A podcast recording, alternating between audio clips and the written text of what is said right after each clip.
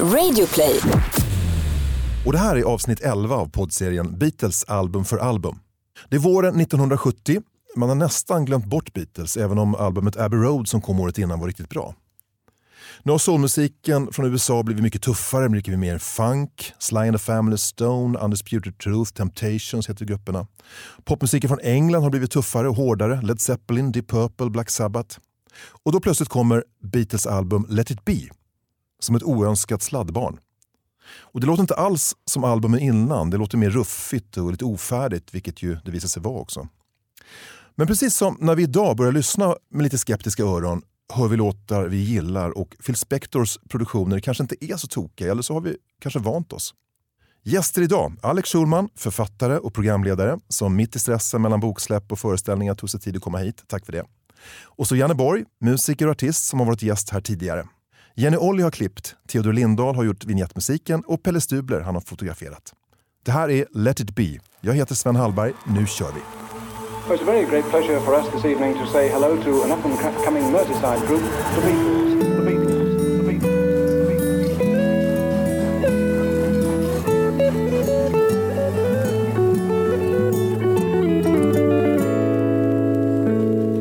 Hej och välkomna säger jag till Janne Borg och Alex Schulman. Hej. Tack, hej. Janne har jag träffat förut, så det har jag pratat med om Beatles. Men eh, jag är nyfiken på dig Alex. När, när hörde du Beatles första gången? Hur, när mötte du dem? Liksom? Ganska sent i mitt liv, alltså, eller eh, jag var 15 år. Och eh, är uppvuxen i ett, ett hem där det inte existerade musik överhuvudtaget.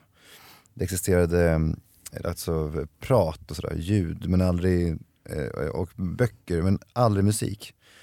Och så började jag ettan i gymnasiet och då hade jag min bästa kompis Johan Dahlberg som nu är producent på, eh, min podcastkompis på Perfect Day. Eh, han berättade för mig om Beatles och så sa han jag vill introducera dig för det här, för, för, eh, för dem. Och eh, då fick jag Beatles på kassettband. Eh, och inte skiva för skiva. Utan bara ett flöde som, så att jag har liksom aldrig förstått, jag, jag har aldrig känt eh, att det här är den skivan. Så att jag har bara lyssnat på dem som ett, som ett långt flöde som har tagit slut liksom, vet, mitt i olika album. Så, så, så för mig så har det känts som att halva Rubber Soul hör ihop med halva Revolver. Alltså förstår ni? Det, Ja, då, det är som folk lyssnar idag. Ja, exakt. Exakt så. Eh, och, ehm, men då, då började jag lyssna och sen så lyssnade jag som en galning på det första bandet och sen så fick jag ett till band. Så jag bad, jag tjatade på, på, på Johan, ge mig ett till band. Och då sa han, ja, men du måste först lyssna eh, väldigt noga på det band som du har fått. Så jag, jag kommer inte ge nästa förrän du verkligen kan det. Och sen så ställde han frågor och vi pratade om det, så här, vad tycker du och sådär. Och, sen så, och han kunde så mycket om Beatles. Så.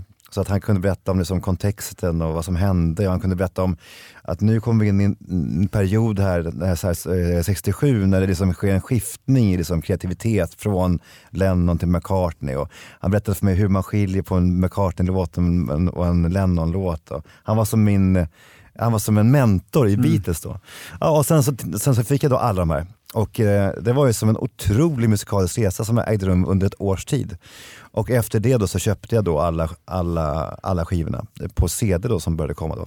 Ja, och på den vägen är det. Sen har jag aldrig kunnat lämna dem egentligen. Jag har lyssnat på dem, jag har aldrig övergivit dem. Jag tycker det är fascinerande för att du lyssnar ju på Beatles i en tid när det finns otroligt mycket, det har hänt så mycket i musiken. Det var ju det här 70 80-tal eller? Eh, det här är väl 90, det här är början på 90 90-tal till och med. Eh, och att det ändå finns någonting i Beatles-musik som, som fascinerar. Det är ändå, alltså för mig är det svårt att förstå eftersom jag hörde dem, jag är mycket äldre så jag hörde dem när de kom. Jag vet, och det är ju den stora, det är väl, jag är väl inte ensam om, men, men att liksom när jag ser nu albumet här, eh, för vi, vi har ju eh, LPn i original väl, det är ingen nyproduktion utan det var, den, är, den kom ut då. Ja exakt. Eh, då. Det är med den stora ångern man har, att man inte var med.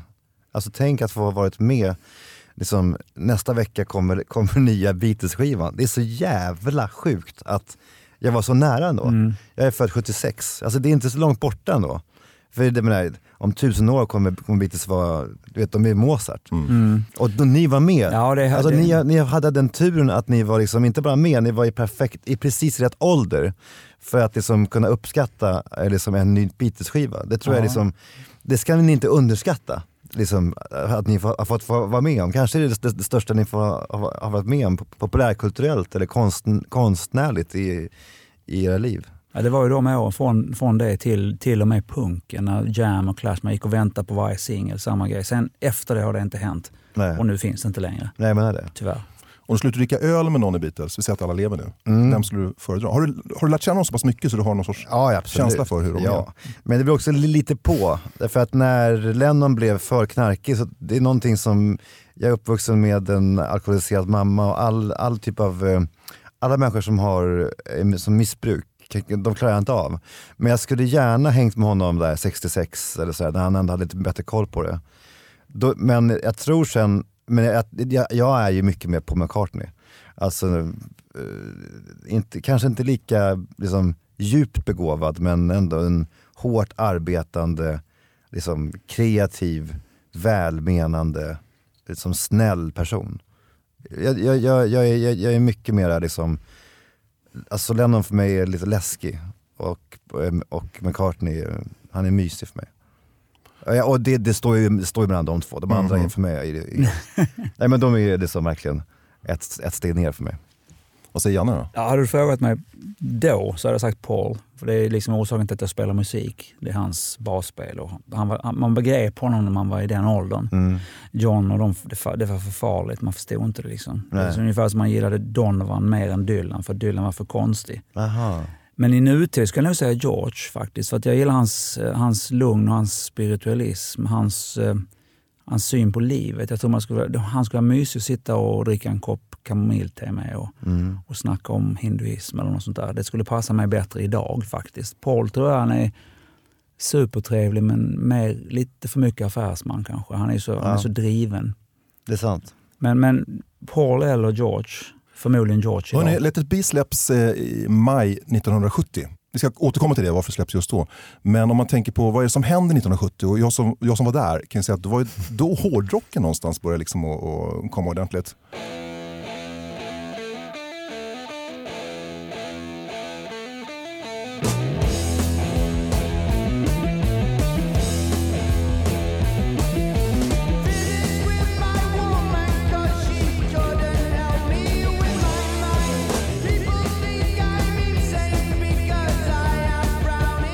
Det är Black Sabbath och det är Ozzy Osbourne som sjunger.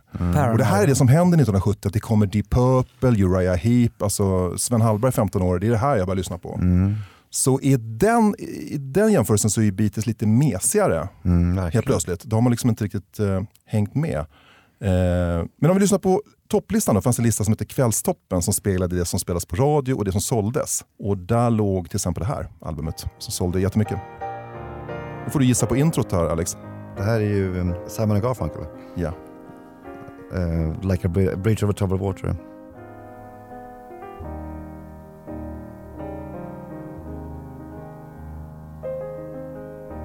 Hoppa fram lite.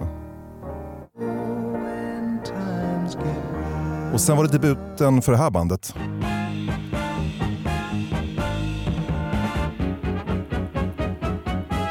Fan, det låter som från Frank Zappa. Chicago. Chicago ja. Världens längsta intro.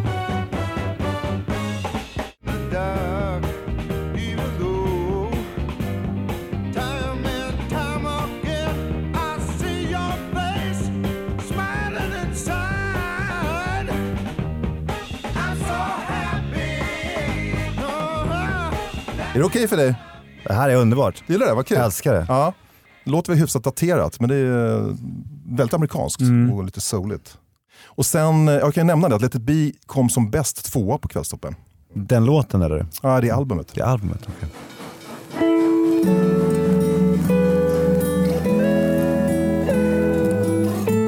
Och vi ska snacka om Let it be. Eh, och det var ju så här att de började med att de spelade in en platta, eller idén var, Paul McCartney hade en idé om att man skulle göra en film som var en platta och som blev en turné. Mm. Eh, och då hette det Get Back det projektet. Men eh, det liksom funkar inte riktigt för att efter Vita Dubben, som är plattan innan de spelade in egentligen, redan där börjar de liksom att, det börjar spricka lite i fogarna mellan bandmedlemmarna. Så att eh, det är ingen som är sugen egentligen på att göra en platta till efter, efter Vita Dubben. Och framförallt inte spela live. Och George, eller förlåt, John säger att eh, jag och George vi sa nej till allting på den tiden. Vi, liksom, vi, jag bara knarkade och var inte ett dugg intresserad av Beatles. Jag ville hänga med Yoko. Liksom, och. Men eh, Paul får igenom den här idén i alla fall och när de börjar spela in den här plattan då, med liksom, kameramän och alltihopa så är ju stämningen eh, ganska rutten. Så att den här blir liksom liggande och eh, det är ingen som vill släppa den. Så att man ses igen då och spelar in Abbey Road som blir liksom deras svanesång. Mm. Men eh, Det var kravet från George Martin att han skulle, skulle man göra som man gjorde förr. Det skulle Back to Roots inspelas på samma sätt som de gjorde innan Vita dubbelalbumet. Annars ville inte han vara med. För det här Let it be-projektet det var ju först i en, i en hangar, jag vet inte om det var i Twickenham eller en filmstudio, en sån här jättestor hangar. De började filma och spela in. Och det var ju helt stämningslöst och ingen gillade det. Sen flyttade de därifrån till något annat ställe och, och gjorde klart det sen. Ja, det som hände var väl att um, George Harrison slutade väl. Eh, eh, alltså han, eh, under de här första, om det var en vecka som höll på i den där, i den där eh, ha- hangaren, Mm. då till slut så var ju Paul McCartney så enerverande i sin noggrannhet. Um, jag, jag läste en intervju med George Harrison där han sa att You have to play it exactly like that. Alltså Ja. att han, liksom, liksom, precis exakt så här måste du spela solot. Och till slut så ruttnade George Harrison och, och drog. Till Dylan. Eh, exakt. Ja. Och sa så här, I'm out. Och eh, det var ju då liksom, så han var egentligen den första som lämnade bandet. Mm. Men sen så tjatade de på honom och, e- och efter någon vecka så kom han tillbaka. Och då bytte de väl, ja, det här kan inte jag, det kanske du kan bättre, men då bytte de väl, då åkte de till Apple, Apple Ja, då Studios. flyttar de, precis. De, jag tror de kan möjligen ha gjort det där i, i källaren på Savile Row, alltså där de sen spelar på taket. Att de gjorde i den studion. Mm. Eh, och, och liksom gjorde i ordning låtarna så att de blev klara någon gång och skippade filmteam och sånt. Bara gjorde klart musiken. Men du, den här plattan den låter ju väldigt live, alltså till skillnad från deras tidigare plattor som är väldigt så här, de jobbar med studions alla möjligheter. Här är det ganska rough och det känns som att de spelar samtidigt. Jag tror att det är så man gjorde hela vägen. Ja, de sitter ju och spelar eh, För, embryo. för den studion var ju ganska primitiv ändå, Ja. Apple-studion jämfört med Emis. Ja, det är ju embryon, embryon till nya låtar plus gamla favoriter från, från 60-talet, från Cavern-tiden. Som de jammar och håller på tillsammans. Så att det är nog inspelat ganska live, grunderna faktiskt. Och sen är det då några, några spår som är väldigt, alltså väldigt eh, producerade. Nästan Fast det händer efteråt. Det är händer- Phil Spector som kommer in och ska rep, rädda Just det. det och då lägger på stråkar och allt Ja. det här. Vi kanske kommer till det sen, men det, det händer senare. När de i princip har, nästan har lagt av. Så, eh, precis, så att hela idén, back to the roots, det, i resultatet blir ju, blir ju väldigt fjärran från Ja. det. Så det är egentligen inte förrän i nutid som de har släppt den här som de kallar för Let it be naked. Som Just är, det. Som det kom, finns en bootleg från förr i tiden som heter Get Back som har samma omslag som Please Please Me fast med dem som de såg ut då. Som fanns i bootleg. Och den släppte de sen som Let it be naked eller något sånt. Där de tog bort allt, alla stråkar och sånt. Mm. Där man fick höra hur det egentligen skulle ha låtit, vilket egentligen är bättre. Men Phil Spector kom in där och la på stråkarna och höll på att härja fritt. Mm. Det var, Det Paul var ju så- emot. Det var ju otroligt sorgligt ju. Jag vet, jag, jag, men jag fattar, det, kan- kan inte jag förstå, det kanske du kan, du kan förklara bättre. För det, har, för det har man läst om, hur eh, förbannad han blev på eh, hur Phil Spector förstörde The Long and Winding Mm. Road. Och sådär. Men att han inte kunde göra någonting åt det. Jag fattar, det kan jag inte förstå. Om han, han är på McCartney, Mm. om han säger så här, det här, så här ska vi inte göra, bort med stråkarna. Eh, Då blir det väl så? Man tycker det, men alltså det är svårt att veta vad som... För det här var ju nästan efter de hade lagt av. Nästan. Alltså det var ju början på 70-talet va? Som han Ja, kom det in är det. och- jag, jag har en känsla av att Paul i det här läget, han hade någonstans gett upp Beatles efter Abbey Road. Så han var på väg in och skulle göra en soloplatta. Han hade köpt studioutrustning så att han kunde spela in hemma själv. Så han och Linda höll på och gjorde musik och Ja, jag tror han lite grann hade mentalt lämnat Beatles. Så det här sker lite grann bakom Pauls rygg. eh, Där John av Ja, anledning vill Det liksom... är John, John och George som, som drar in Spector i det. Utan Pauls uh, godkännande egentligen. Men varför det kom ut och hur det kunde ske, det, det kan man ju undra. Men det är lite hassligt sen när skivan ska släppas. För att McCartney håller då på att spela in en platta som han släpper då den 17 april 1970. Det här krockar ju liksom med releasen av Let it be. Så att George och John och Ringo sitter och författar ett brev då för hand där John skriver Eh, du, du, måste liksom vänta med att släppa din platta så att det inte krockar med Let it be. Mm. Så skickar de Ringo för att lämna det här brevet personligen till, John, eller till, till Paul. För att Ringo är den som alla gillar någonstans, han är så mm. snäll och oförarglig. Men eh, det slutar med att Ringo blir utskälld. Liksom. Så man, alltså, stämningen måste ju varit ja, bedrövlig. Alltså. Det märks också mm. tycker jag i, i, hela tonen. Det tycker jag Phil Spector gör ju ändå någon typ av tjänst. Han adderar ju till en, en en, en känsla av, en dystopisk känsla som ja. speglar liksom bandet på den tiden. Det är så jävla deppigt att lyssna på den skivan. Och det, var ju, och, och det, är just, det markerar slutet och det är slitningar och det är skit och det är förfärligt. Så på ett sätt så är det, alltså känns det ändå autentiskt. Det, Förstår du vad jag menar? Det är bara människor egentligen det här också som, som liksom får problem. Ja. Men det roliga är att när man lyssnar på som Long and Winding Road, det är typexemplet. Alla säger att det är fruktansvärt med stråkarna. Men alla de åren, de 20 åren som man hörde det där, tyckte jag att det var rätt bra. Jag tycker mm. fortfarande att det låter okej. Alltså, Long and Winding Road är ju det. Mm. Men de här stråkarna, det är inget fel på det egentligen. Nej. Men nu har man lärt sig att man ska tycka att det är fel. Mm. Därför att alla andra säger att det var det. Mm. Jag är inte säker på att jag riktigt håller med. Jag tycker att den är... Jag gillar den i den, den smetversionen som den mm. är. Det, mm. det är inget fel på det. När man släppte McCartneys soloplatta så följde det med ett litet blad eh, där man hade gjort en intervju med Paul McCartney. Och där får han frågan, saknar du resten av Beatles som spelar in plattan? Nej. Eh, kommer du spela in någon ny platta med Beatles? Nej. Alltså, det, framgår som, det framstår som att han inte kommer att fortsätta med Beatles. Och då, då det uppstår liksom att Beatles kommer att splittras. Och det här var stick i stäv med vad man hade kommit överens om. Mm. För John hade velat gått ut med det här långt tidigare. Men då kom man överens om att vi ligger lågt med det här tills vi har släppt. Ja, de hade ju ett möte efter Abbey Road där John sa att jag lägger av. Och då övertalade de andra honom och Apple att nej, nej vänta med det ett tag. Vi går inte ut med det nu. Vi väntar ett år eller någonting. Mm. Och då hann McCartney före och det tog Johns hårt. För han fan. ville vara den som... Ja, de, de bråkar om allt. Ja. Alltså fy fan, det kan inte vara kul alltså. Eh, det, det, märker man också i, i den här filmen som, som är ganska intressant. Inte så bra film, men det, alltså, de här bråken de har.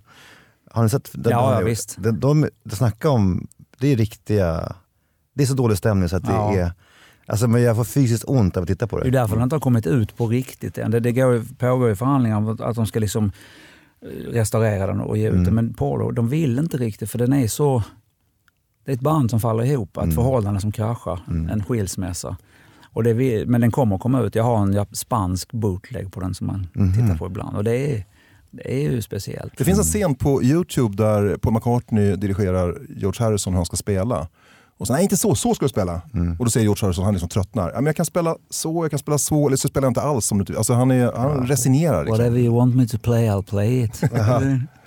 ska vi lyssna lite på Paul McCartneys soloplatta? Den, är ju, den, är, den fick ju inte jättebra kritik. Den var ju lite halvfärdiga låtar. Och, mm. Men det finns ju en låt som, eh, Maybe I'm amazed. Ja, som blev lite av en klassiker. Vilken sång det är här.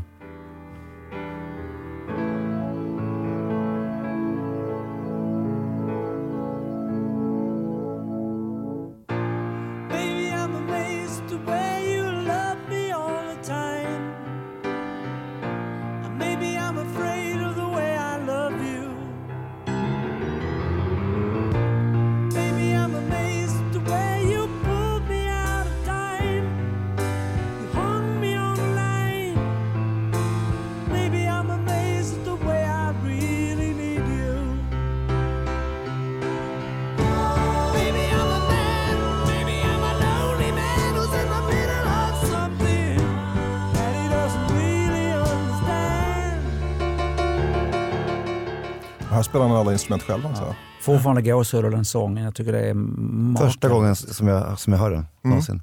Aldrig, aldrig hört för det. Är otroligt, otroligt fin låt. Mm. Ett tips, lyssna på Wings over America, den live-versionen från 76. Hans sång där, det, finns, det är bästa sången som har gjorts någonsin. Mm. Vi har pratat mycket om Pauls röst i den här podden och här är ju hans rockröst. Mm. Som han är suverän på. Vad säger ni, ska vi lyssna på skivan? Gärna. Eh, ni som inte har sett omslaget, eh, Alex beskriver det. Ja, det är som vanligt ett supersnyggt Beatles-omslag. Eh, får man väl säga. Med, eh, inte de här fyra eh, tillsammans på eh, en och samma bild, utan det är fyra bilder eh, på, på, var och en av dem som ligger som eh, kvadrater. Eh, och så står det, står det då, alltså mot en svart bakgrund, så står det, så står det Let it be med vit text. Skitsnyggt. Det är ganska, var ju ganska vanligt att de inte skrev Beatles. Det var också lite kaxigt att inte skriva gruppnamnet på Ja, men däremot så är det ju ett av de mest fantasilösa eh, liksom, namnen på ett Beatles-album. Bara döpa efter en låt, det är inte så likt. Ja, det är olikt dem. Ja, Även om Please Please Me också är det. Men det, det Fast jag har aldrig fattat varför Paul har, varför tog en bild på honom med en mikrofon mitt i ansiktet. Det tycker jag är lite konstigt. jo men varför är det, vad är det som är där i förgrunden på eh, Ringo? Det är, det, det, det är liksom, vad, vad är det där för? En skugga om din arm, liksom. det är en dålig bild helt Ja. enkelt. Och han är inte heller i fokus ju. Det är liksom, det, det, men det, det speglar väl också så här att de var ut med skiten nu. Sannolikt. Ja. Det Orkar är bara inte. George som ser glad ut. De andra är rätt allvarliga. Från det här Happy Faces som har varit lite Ja. tidigare. Verkligen. Ska vi lyssna på skivan då? Då är vi på sidan ett, spår ett, som heter Two of Us och som är en McCartney-låt. I Dig a Pygmy by Charles Hawtrey and the Deaf. Phase one in which Doris gets her oats. Ska vi bara ta det igen. Det här är alltså John Lennon. Han sitter tydligen och skriker så här i studion lite titt som tätt. Ja. Med så här konstiga referenser. Eh, I, dig a pig, I dig a pygmy by Charles Hartrey and the Deaf Aids. Please, Phase one, which Doris Getters Oats. Alltså, Deaf Aid, det är alltså vad de kallade såna här förstärkare för, de här voxförstärkarna. Och Charles, det är en engelsk skådespelare. Så han bara plockat namn i luften liksom. Och, Det, det låter ju jävligt coolt. Vad fan säger. ja, faktiskt. Man ska, för att inte glömma hans, hans, han var ju fan av The Goons, alltså Peter Sellers, eller vad han med där vet jag inte. Men det var komiker, trio eller duo, tidigt 60-tal, som de var väldiga fans av. Som var, det var mycket sådana slapstick och så. De, Jag, jag tänker, det här är kanske långsökt, jag tänker på Micke Dubois. Han var ju expert på att plocka upp eh, Ove Thörnqvist, alltså bara plocka namn random och så bara slänga in dem i ett sammanhang. Mm, verkligen.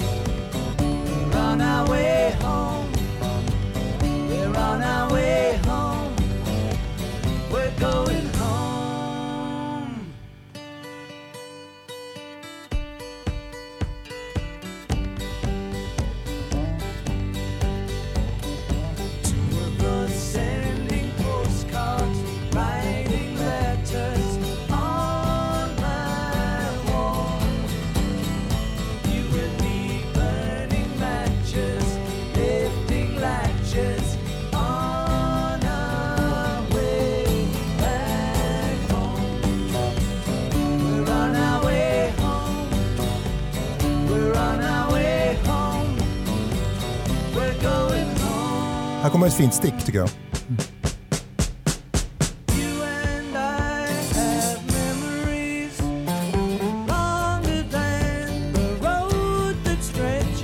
Ahead. Den är fin. Den, eh, ja, är den verkligen det? Det, är första, det, det, det, det jag tänker när jag hör den är ju, de skulle inte ha släppt den här skivan. Eh, Håller ni inte med om det?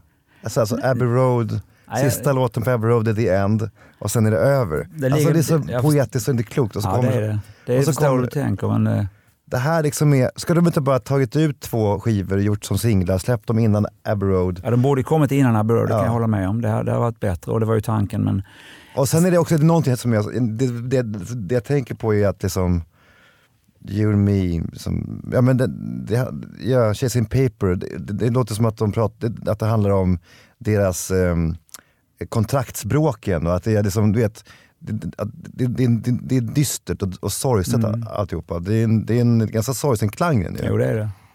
Läger, men det är en fin lägereldslåt. De sjunger ju duett hela tiden, utom på bryggan. Mm. Vilket är, det är alltid kul att höra. John och Paul tillsammans. Ja det är det, för Om man då, bara då, ser det så. då blir man ju nostalgisk. Ja. Ja. Jag vet inte om det, här, det påstås att den här bryggan då, You and I have memories longer than the road stretches out of head, att det skulle kunna syfta på deras Förmodligen. landskap. Ja. Mm. Däremot så var det så att de var ju väldigt inspirerade av Everly Brothers, John och Paul i sin sång. Mm. Man jämför med hur de la stämmorna.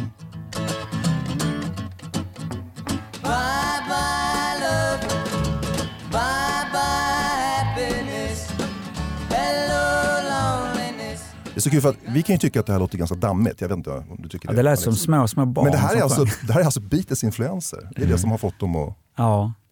börja musik. Hollies också. De influerade Hollies också menar jag. Mm. Ja, men det första där det var en låt som Paul McCartney skrev lite grann till Linda då, i samband med att de flyttade ut på landsorten. Och nästa låt, det är en John-låt. Mm.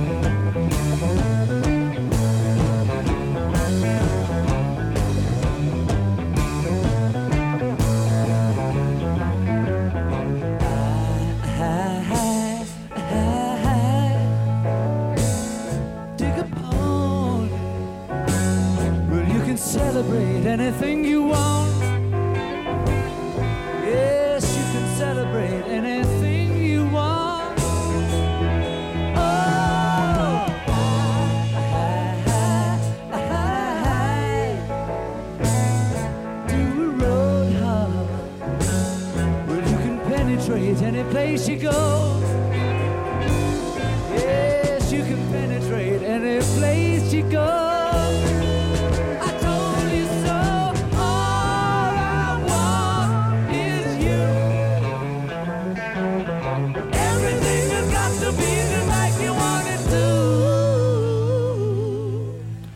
I Är inte den här nästan bästa låten? Det är här, fruktansvärt bra. Fast Den är det otrolig. Ja, och, men, sväng. den, är- den här är verkligen, här känns de glada. Mm.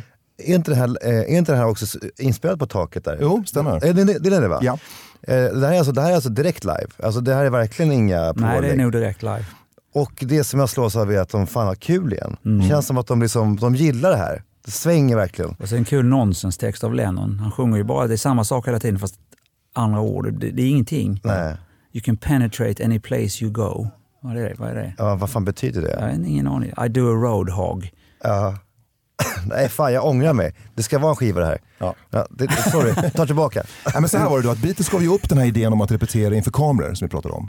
Eh, och bestämde sig för att spela in albumet i sin egna studio, Apple-studion. Annars hade man ju spelat in upp på studion App- Apple Road, då, mm. mest fina studio. Och då hade John och polaren och LSD-kompis som skulle bygga upp den här studion. Magic Alex.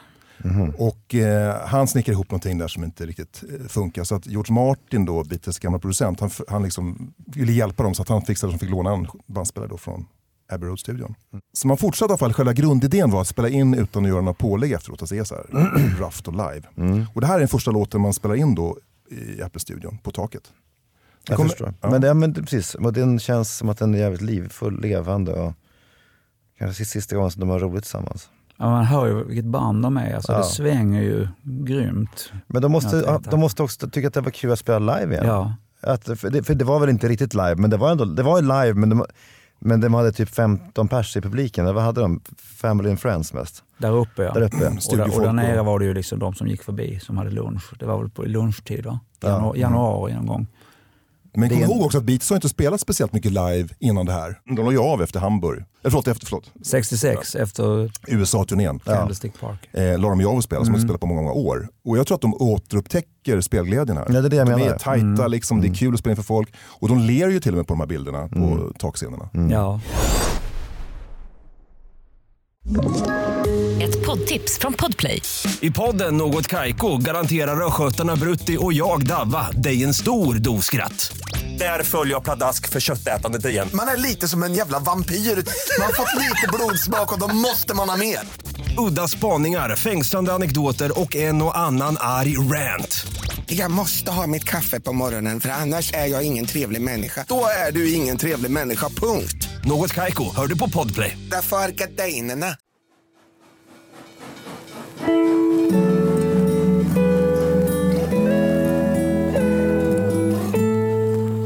Tredje låten är också en John Lennon-låt, Across the Universe.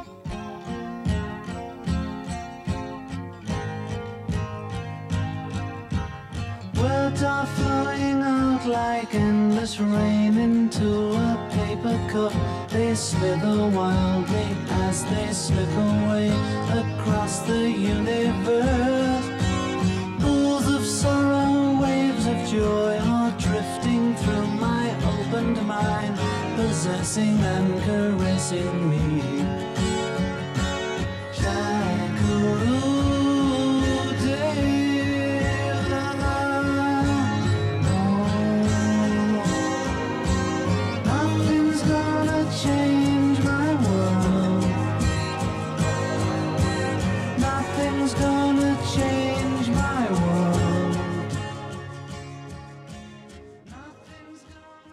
Den här låten spelades in redan 1968. Mm, skulle blivit en precis. singel, men då blev det Lady Madonna istället som gavs ut. Det var väl rätt, rätt beslut. Den här hamnade ju på en samlingsplatta för någon, Ja, någon soundtrack, nå- ja. någonting. Väldigt skojig låt att spela.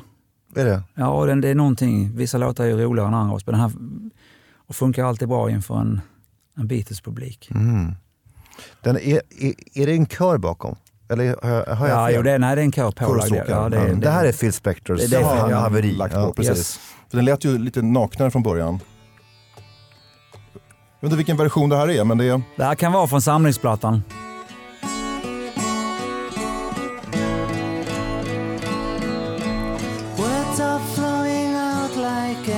Rain into a paper cup. They slither wildly as they slip away across the universe. Pools of sorrow, waves of joy are drifting through my opened mind, possessing and caressing me.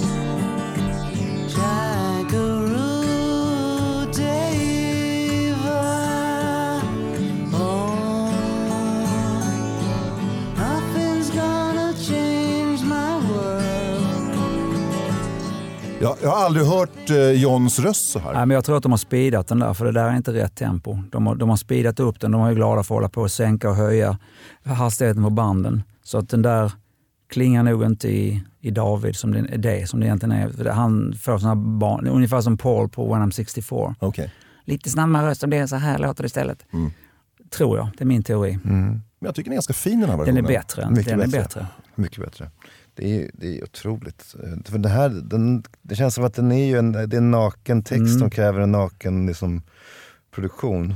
Och ehm, den är så otroligt grötig, eh, den här eh, alltså, LP-versionen. Ja, det är den Wall of Sound passar inte där. Liksom. Nej. Men, Ja, men Phil Spector han ställs ju inför ett jäkla dilemma också. För han är ju the wall of sound. Alltså, det, det är som more is more. Alltså, Trippla trummisar. Och, då ska han ge sig på en platta som mer eller mindre är demos. mm. Liveinspelat. Märkligt val egentligen. men en fin låt, fin Mm. text. Nästa låt är en George Harrison-låt, I'm in mine.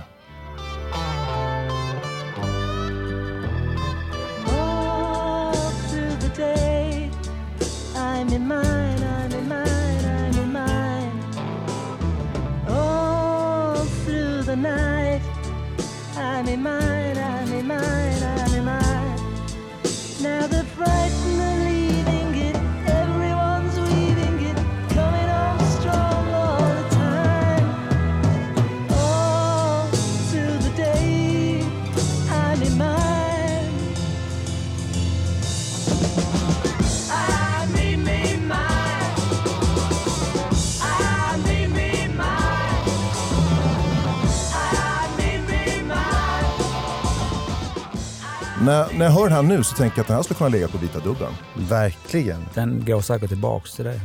Den är det, var det sista de spelade in. Det här De, är allra sista de spelar in. Ja. på 70 någon gång. Mm. Så gjorde de de sista påläggen på det där. Det är också ju, det finns en poesi i det.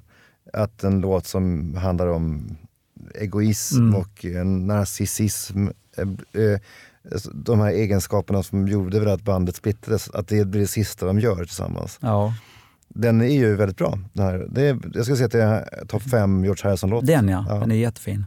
Den är, eh, utom det här sticket som jag tycker är f- Ja, det hör förfärligt. inte dit Nej, jag egentligen. fattar Det skulle man inte. kunna skippa, men nu är det där. Ja, nu är det som det är. Så det, eller, eller ska vi föreslå för, för arvet? I do have some thoughts. Men väldigt bra låt. Eller, vad- eller, vad, eller vad, vad tycker du Sven? En av albumets bästa. Ja, Absolut. så är det. Eh, Nästa låt är en av två låtar som Beatles har skrivit tillsammans. Om man nu får kalla det för låt.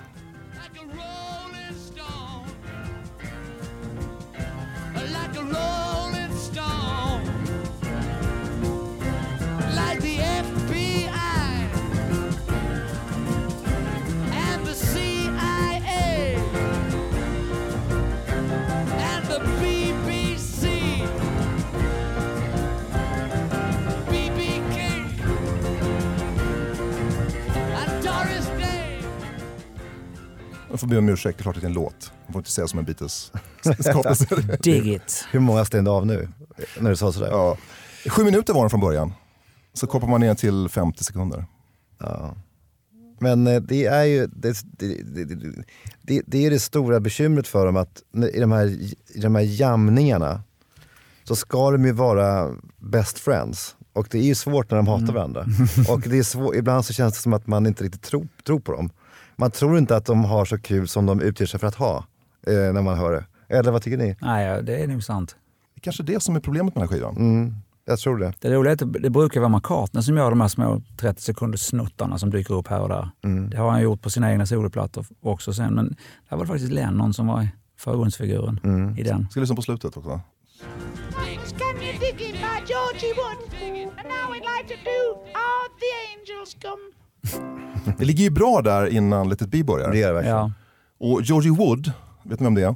Nej. Nej. Skådespelare som, och komiker som var dvärg som han sa på den tiden. Jaha. Som han också plockar upp där. Det är väl George antar jag, som, eller förlåt, John som säger det här. Ja, det är klart. Men det går ju in så snyggt tycker jag till Let it be. Mm, det är det.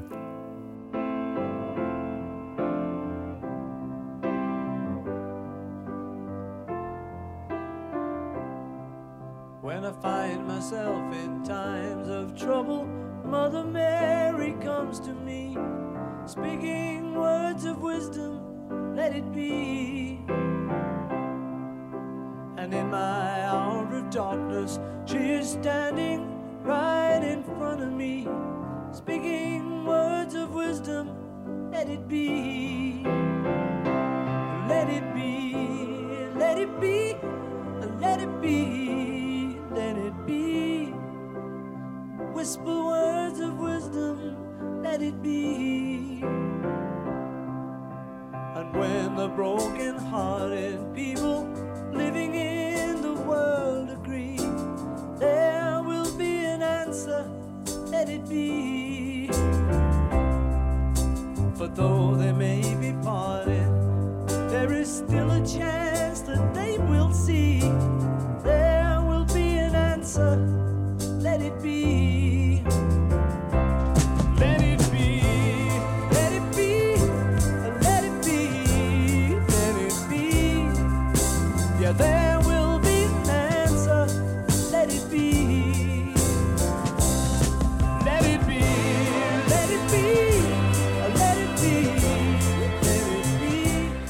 Paul McCartney på sång, John Lennon på bas och Billy Preston på orgel. Mm. Den, den, den, jag tycker det är så intressant den här låten därför att det är som att alla som inte gillar Beatles har den här som favoritlåt med Beatles. Eller många i alla fall. Ja. Och alla som älskar Beatles avskyr den. Jag tillhör ju de som älskar den här låten. Ja, jag älskar den och jag älskar Beatles. Jag, jag, tycker inte, jag tycker det är en fantastisk låt. Men visst håller du med om att det är lite Jo, det är så? lite så. Alltså, Det- kon- Konnässörerna Ja. ska tycka att det här är uselt.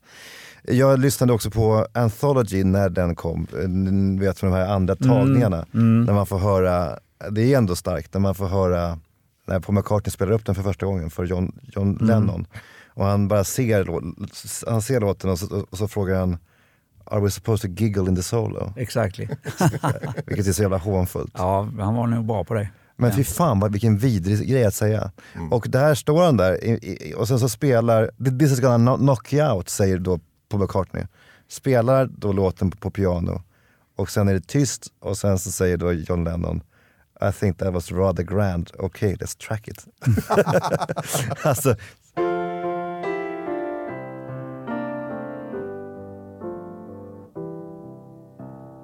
When I find myself in times of trouble, Mother Mary comes to me, speaking words of wisdom, let it be. And in my hour of darkness, she is standing right in front of me. Hör man inte på Pauls röst att han är lite nervös här? jo, Vad ska bandet tycka liksom? Man hör ju också att han har, han har fixat till fraseringen som är mycket bättre i originaltagningen, eller den slutgiltiga tagningen. Det är samma sak med alla demos. Alltså man, lite småslarvigt, fast fortfarande skulle det kunna vara en take. Inga problem. jag menar det, jag tycker att den är, jag har inte det. Hur, hur menar du då att den är? Nej, men han, fraseringen i, i den riktiga är, så, det är små saker eller som man väntar lite grann innan Okej, nästa. okej, ja. Och förmodligen har han lärt sig hur det ska levereras och de var ju mästare på det. Mm. Både, både all, allihopa, men framförallt John och Paul.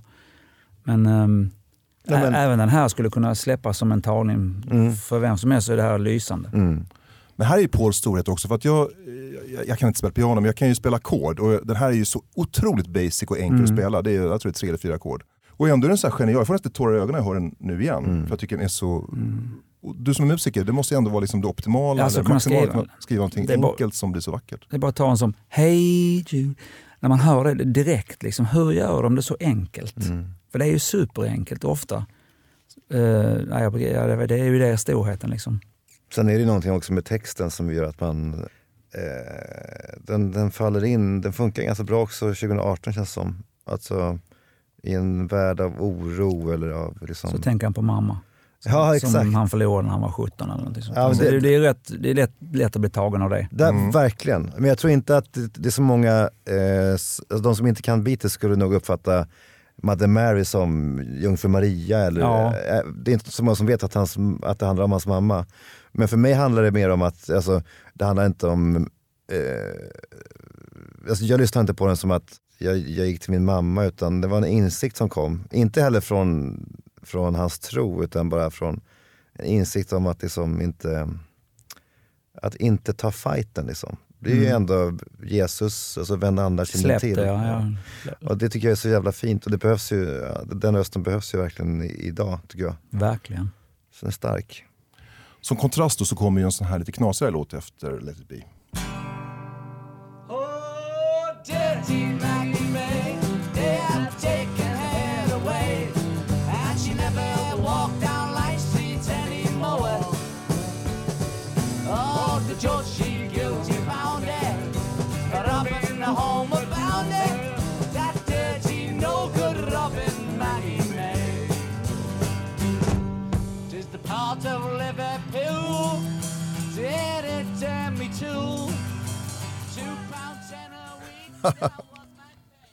Den där kören alltså. Lennon var ju så kul för det är ju en gammal en folkvisa om, en, om ett, en gatuflicka i Liverpool som sjungits på krogarna sedan 1800-talet. Något sånt. Och det, han är rolig för han pratar ju inte scouse egentligen, Lennon. Han pratar ju ganska vanlig engelska. Men han, när han vill så tar han fram där. Eh, det är alltid fan det där. Var, var kommer den dialekten ifrån? Ja, det är ju scouse, Liverpool. Liverpool, dialekt. okej. Så, och det gör han ju även när han sjunger svaret på Dylans You gotta serve somebody som heter You gotta save yourself. Han sjunger han på extremt bred scouse, som Liverpool-dialekten kallas.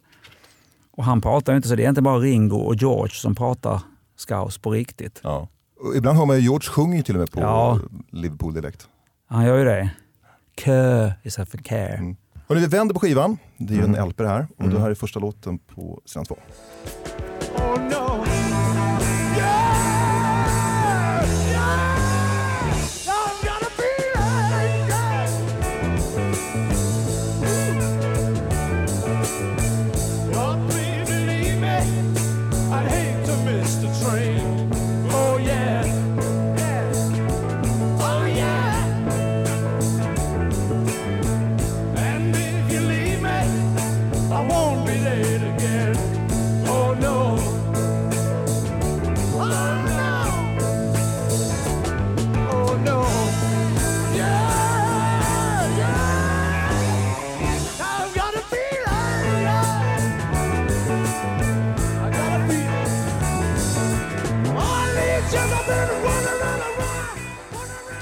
Slår mig här det man hör Georges fina gitarrlicks väldigt tydligt, även på Digger Pony i höger öra här. Att han spelar jävligt smakfulla små grejer hela tiden. Ja, jag, gillar, jag gillar det, hörs så tydligt här. Ja, det är Jag vet inte om det här är LPn eller om det är någon remastered grej eller vad det är. för Det är från. LPn. Det är det. Version Ja. av LPn. Ja. Undrar för de här kommer att komma... Abbey Road kommer att komma en ny version, deluxe nästa år så, såklart. Men Som Gilles Martin. Ja, det tror jag det gör. För Liksom, där finns så mycket att göra med den tror jag. Men frågan är om det gör det med Let it be också året efter det. Mm. Om det finns något att göra mer med den än, än denna Naked som gjordes för ett par år sedan. Har du köpt eh, Vita Dubben remixad, Alex? Nej, Nej. borde, borde jag göra det? Ja, den, det händer någonting. Vad, vad, vad är det som händer då? Alltså rösterna kommer fram, instrumenten blir tydligare. Eh, kanske ännu mer än jag tyckte man märkte på Salt Pepper. Men den är, ja, den är, den är jättebra. Alltså det är massa smågrejer som dyker upp. Men det bästa är den här Escher-demo. Det finns ju en, en, en dubbel-EP till med alla demorna som de gjorde hemma hos George. Som jag har haft på demo innan men de lät förfärligt. Men nu har de liksom fixat till dem så det låter som jätt- den är värd liksom priset. Nästa låt på Let it be, det är en gammal låt som eh, Paul och John skrev redan på 50-talet. Och den lät så här från början.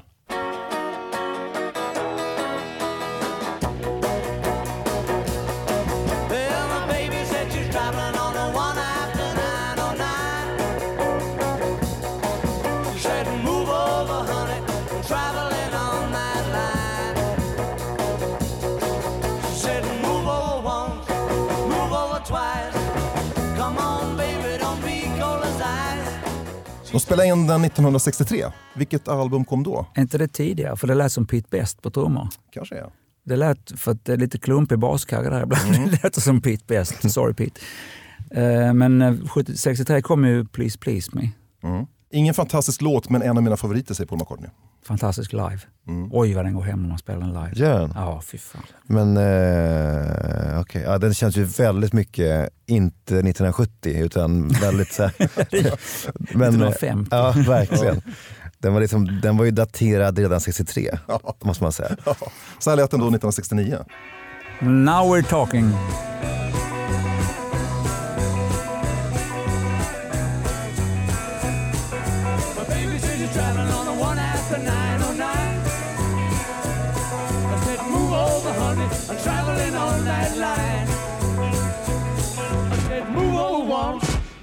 Twice. Come on, baby, don't be cold as ice. Said you're traveling on the one after 909. I begged her not to go, and I begged her on my bended knee. You're only fooling around, only fooling around with me. I said, move over once, move over twice. Come on, baby, don't be cold as ice. Said you're driving on the one after 909. Tänk ändå vad Paul McCartney har backat här. Från att han liksom tänker att det ska bli ett projekt som man gör en film utav, sen ska det bli en turné, man ska ha en final med gigantisk publik. Så slutar med att de står på ett tak i London och lirar för 15 personer. Undrar han, vad han tänker då? Intressant version där, två fjärdedels takt och höjt tonarten till B från A. Det, det hörs ju inte men 2-4 istället för 4-4, det är stompigt. Men den är rätt charmig där tycker jag. Mm, det finns någonting där. Men eh, jag tror ändå att han är, att, att han är glad i stunden. Det, det, har man ju, det har han ju berättat att han var. Alltså när han ändå står på taket där så är det ändå en härlig stund för honom. Mm. Och de är busiga också. Alltså det, det är inte så att det, polisen kommer eller Jo. att de får avbryta den här konserten. Jo, Det är roligt ju. Men, så de, de får inte spela klart den? nej. Är det så? Nej, ja, det, precis. De, de kommer upp där och så, så kör de någon låt till och sen till slut så blir de tvungna att avsluta. Jag vet inte vad de säger men äh, barska Bobby-poliser där i London på 1969. Det är så långt ifrån Beatles, tidiga Beatles som var så här välkammade. Och... Abs ja, visst. Nästa låt, det är en, eh, jag tror att det är en Paul McCartney-låt om jag tittar på Janne. The Long and Winding Road. Absolut. The long and winding road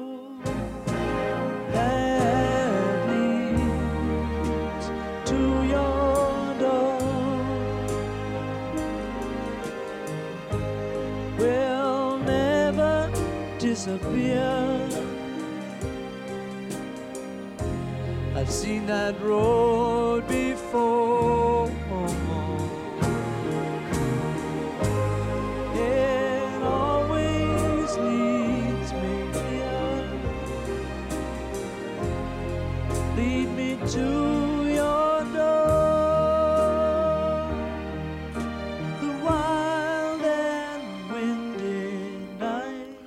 Tjuvtittade lite i mina papper här och skrev, eh, där skrivit att Paul McCartney skrev den här samma dag som han skrev Let it be. Mm. Men det här är en demo. Han har tänkt att ge den här till Tom Jones, eh, Paul McCartney. Jag kan inte dra min story om Donovan en gång till, för det gjorde jag i en annan podd. Men det är roligt för han var ju hemma hos Donovan och så spelade han upp. Lyssna här Don, jag har skrivit några låtar så spelar han Let it be och Long and Winding Road medan Donovan kokar te. Och Donovan tänker, "F- den där jäveln alltså. Vilka, Hur går det till? det är ju rätt mäktiga låtar liksom. Det måste man säga. Jag läste, eller har jag, har jag, har jag missuppfattat det nu? Att han var så irriterad på eh, Bridge over Troubled Water Det kan nog stämma. och att han ville göra en bättre. Det ringer en klocka där. Ja, och att han då skrev den här. Den blev inte bättre. Nej, Men- Bridge over Troubled Water är ju fantastisk. Men den är ändå ganska bra. Mm. Så har jag alltid, funderat på, han var så arg på, på produktionen att den blev smetig. Mm. Men när han spelar den live så är den också smetig. Det är den va? Ja, jag Ja, har alltså- sett det många gånger så det borde jag komma ihåg. Nej men det är inte så att man bara, aha det är så här han vill att den skulle låta. Nej, det låter ungefär Det likadant. låter ungefär lite Ja. samma sak ja. Så att det är liksom, å, återigen så man så här, eh, det här, det här eh, det är många som kastar skit på, på Phil Spector. Men sen så när man ska då visa hur det ska gå till egentligen så finns det inga andra lösningar heller. Utifrån, Nej, jag vet inte hur... Den finns ju med på Naked-versionen så att jag vet, den, borde, den låter ju... Ska vi lyssna på dig? Ja, det kan vara kul att det höra hur den låter Mm. utan allt det där.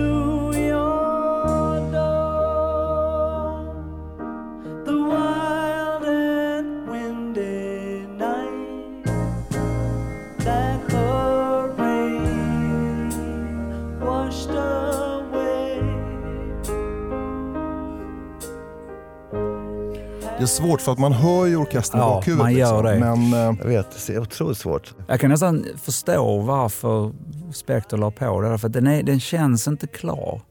Det kan vara för att man är van vid det andra. Ja. Men jag, jag, jag, jag tycker inte att det är jättefel det där smetet. Jag tycker att det funkar i det här sammanhanget. Mm. Alltså, vad tycker du Alex? Nej men det, det, då, ni har helt rätt. Man känner bara, var är smetet? alltså att man saknar det, varför man vet om att det, att det alltid har funnits där. Men eh, man skulle vilja att Paul McCartney skrev den här låten 1967, 68, 67. Och så sa han att han gick till John. Mm. Den här har jag, vad, vad fan gör vi? Ja, just det. Eh, Och då hade man kunnat, då, den versionen skulle kunna bli. För att låten i, i sig är helt makalös på något sätt. Mm, jo, det är ju fantastiskt. och inte bara John, jag tror framförallt George Martin. Han hade kunnat liksom Ja, verkligen, förstått absolut. vad man Ja, med det här. Verkligen. Jo, för det är någon, den är inte riktigt färdig alltså, jag känns det vet inte som. om det är sant, det står här att John Lennon är som spelar lite halvrisig bas, Mm. eh, för det här är en demo. Så Paul, han, när den här ges ut, det är inte, det är inte en godkänd version. Alltså, han hade inte velat, det är som att man ska ge ut din bok innan du är klar med den. Liksom. Ja. Innan någon redaktör har läst den. Ibland Det tänker man känns så, lite så här, Ja. taget på något sätt. varför har han inte gjort en ny version av den här senare själv? Det skulle han kunna ha gjort någon Ja, gång. verkligen. Jag, menar, jag vet han spelar den live och det låter ungefär likadant. Ja. Det kanske inte går, det kanske är så fast i det här som den är. Det går kanske inte Eller göra. är det affärsmannen Paul McCartney som han spelar live så ska det vara den versionen som folk har hört. Kan Ja, det kan det vara. Näst sista låten på Let it be, det är en George Harrison-låt.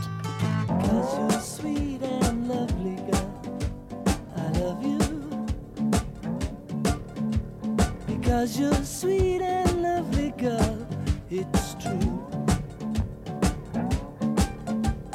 Ever. Omöjligt att inte stampa takten. Verkligen. All, alla tre i studion. tre gubbar. Bara, ah.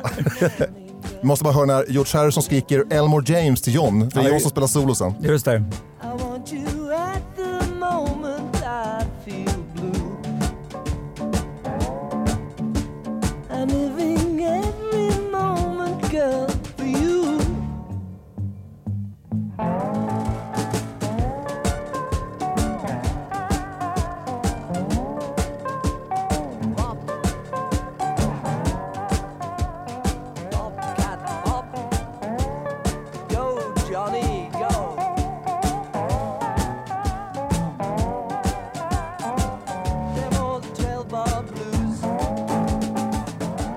Lite lekfullt. Mm. Spelglädje.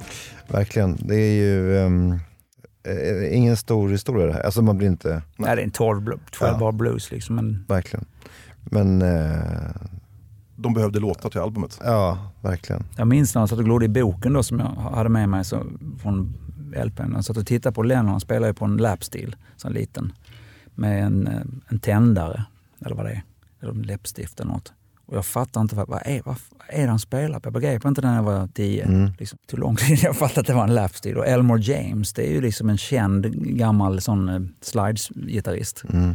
Och därför han säger det, Elmore James got nothing on me baby. Eller något. Mm. Det är kul när man, när man, var liten, när man, man inte begrep saker. Det är Mm. roligt. Nu, tyck, nu vet man för mycket, det är synd. Jag vet. Man skulle ju vilja komma tillbaka och höra, Ja, höra det första gången. Oskyldigt igen Ja. liksom. Sista låten på Let it be, det är ju Get Back, eh, som också släpptes på singel, sålde i 4 miljoner ex. Eh, de var från början tänkt som en drift med rasister, men sen gjorde man om texten. Nu ska det tydligen handla om haschrökare och transsexuella. Jag har inte lyssnat på den tillräckligt mycket för att höra det. Who knows? Nej men den är rätt svår att förstå nu, numera.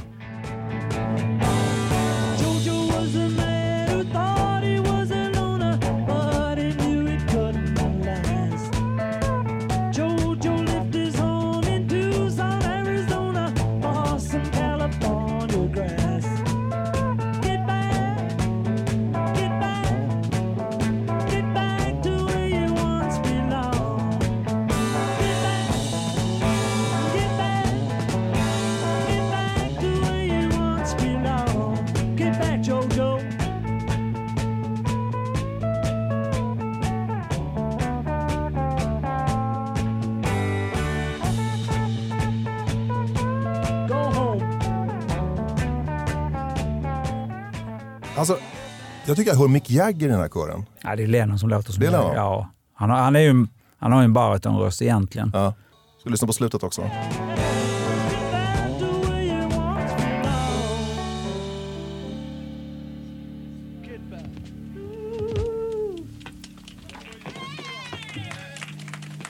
I'd like to say thank you on behalf of the group and ourselves, and I hope we pass the audition. Skön humor ändå. Mm, verkligen. Ända in i mål ha- hade han det. Ja, du, du pratade om det innan, att när det påstås att eh, eller John påstår att han tycker att det ser ut som att Paul McCartney kikar på Yoko Ono varje gång han sjunger Get Back. Ja just det, exakt. det läste jag någon, Ja. att John hade påstått att menande titt, stirrade han på Yoko Ono varje gång de sjöng refrängen Get back to where you once belong. Men eh, eh, det som jag har funderat på är ju att eftersom eh, den här då, som du sa Sven, från början var en, en, en eh, satir, en drift med rasismen. Tänk om eh, Paul McCartney, för det är hans låt, eh, kunde ta tillbaka den ursprungliga texten och spela den nu. Eh, För han är ju verkligen en förespråkare för liksom, ehm, Ja men för, han är ju, väldigt, han är ju inte invandrarfientlig om man säger så. Tänk om man skulle ändra texten och göra, göra om den till vad den en gång var. Förstår ni vilket statement det skulle ha kunnat, kunnat bli? Och jag tänker på även Blackbird från Vita Dubben är ju, eh, handlar om svarta kvinnor. Eh, Och det var ingenting som jag förstod när jag hörde den Nej, det, då. det Utan förstår inte det jag kom jag långt Det förstår jag fortfarande inte, men det kanske är så. Nej, det har jag, det har Påstår jag- Paul i alla fall. Okej. Men ehm, det här känns för övrigt som en White Album-låt tycker jag. Mm. Den är lite, lite lik Obladi Oblada i liksom upprinnelsen och sådär. Den, den, den, den känns som att den är, ja, att, att den kommer därifrån. Men den, den, är- jag, jag tycker om den. Men om han hade gjort det där idag som du sa, gett ut den med originaltext nu, Mm. eller sj- sjungit den på konserterna. Han fick ju rätt mycket problem med den här Fuck You, hans senaste singel. Mm. I just wanna fuck F-U-H-U. Och Mm. det tyckte de, "Åh, vad fan 70 år gubbe ska ut och bla bla bla. Mm. Med småtjejer. Det handlar ju inte om det. Så risken är att, han blir miss, att det skulle bli en massa missförstånd. Verk- Folk, ja. folk blir ju kränkta rätt lätt idag. Det Verkligen. kommer säkert bli det också, även om han gjorde det med glimten i ögat och förklarade att det var så här en satir. Bla, bla, bla. Ja, verkligen. John Lennons sarkastiska kommentar. Eh, Get Back is Paul. That's a better version of Lady Madonna. You know, a potboiler rewrite. Alltså en dussinprodukt. Mm. Det, Ja, men det är ju lite så. det är så. Men det är ändå hemskt att de är så elaka mot, mot varandra efteråt när de pratar om andras låtar och sådär. Ja. jag. Det var en av de grejerna som gjorde dem så stora, att de hela tiden tävlade. Eh, John skrev en låt, då måste Paul göra en bättre och så höll de på så. Till slut så, så blev det elakt istället för kreativt Mm. kanske. Men alltså, om man ska nyansera lite grann så tror jag ändå att det var väldigt hjälpsamt. Man hjälpte varandra med liksom, idéer till låtstick eller du kan göra så här istället. Och Mm. Det känns som att det fanns en Ja, bra kreativ process in i det sista. Mm. Hörrni, nu tänkte jag innan vi avslutar eh, att ni skulle komma överens om en låt från Let it be. Som vi ska höra i sin helhet. Ja men fan, vad tycker du? Jag, jag, jag, jag, min favorit på den här plattan är faktiskt I've got a feeling. För den är den som är, den har sån livekänsla och så är det både John och Paul. Det är lite grann som Johns vers och, Paul, och tvärtom. Pauls vers och Johns stick. Och sen så underbart gitarrspel av, av George. Så den, den tycker jag är, är Nej, men jag tycker det är kul, den är, alltså, varför inte? Det känns också som att den, i just det, att för det första så är det de två tillsammans. Mm. Det känns, man påminns om, hur det var en gång i tiden. Den är glad också. Den är glad sätt. och de spelar live vilket också gör att man känner att, att eh, det blir en påminnelse om de gamla goda tiderna. Mm. Så trots att vi är mitt inne i mörkret så finns det då en låt som, eh, som är livsglad och bejakande. Och där man tänker sig att man, när man hör den och blundar så ser man dem framför sig leende. Paul och John tittar, tittar mot varandra och man märker att de uppskattar varandra och älskar varandra. Det är fint ju. Håller med. Ja, bra val. Vi är överens. Mm, Vi är överens.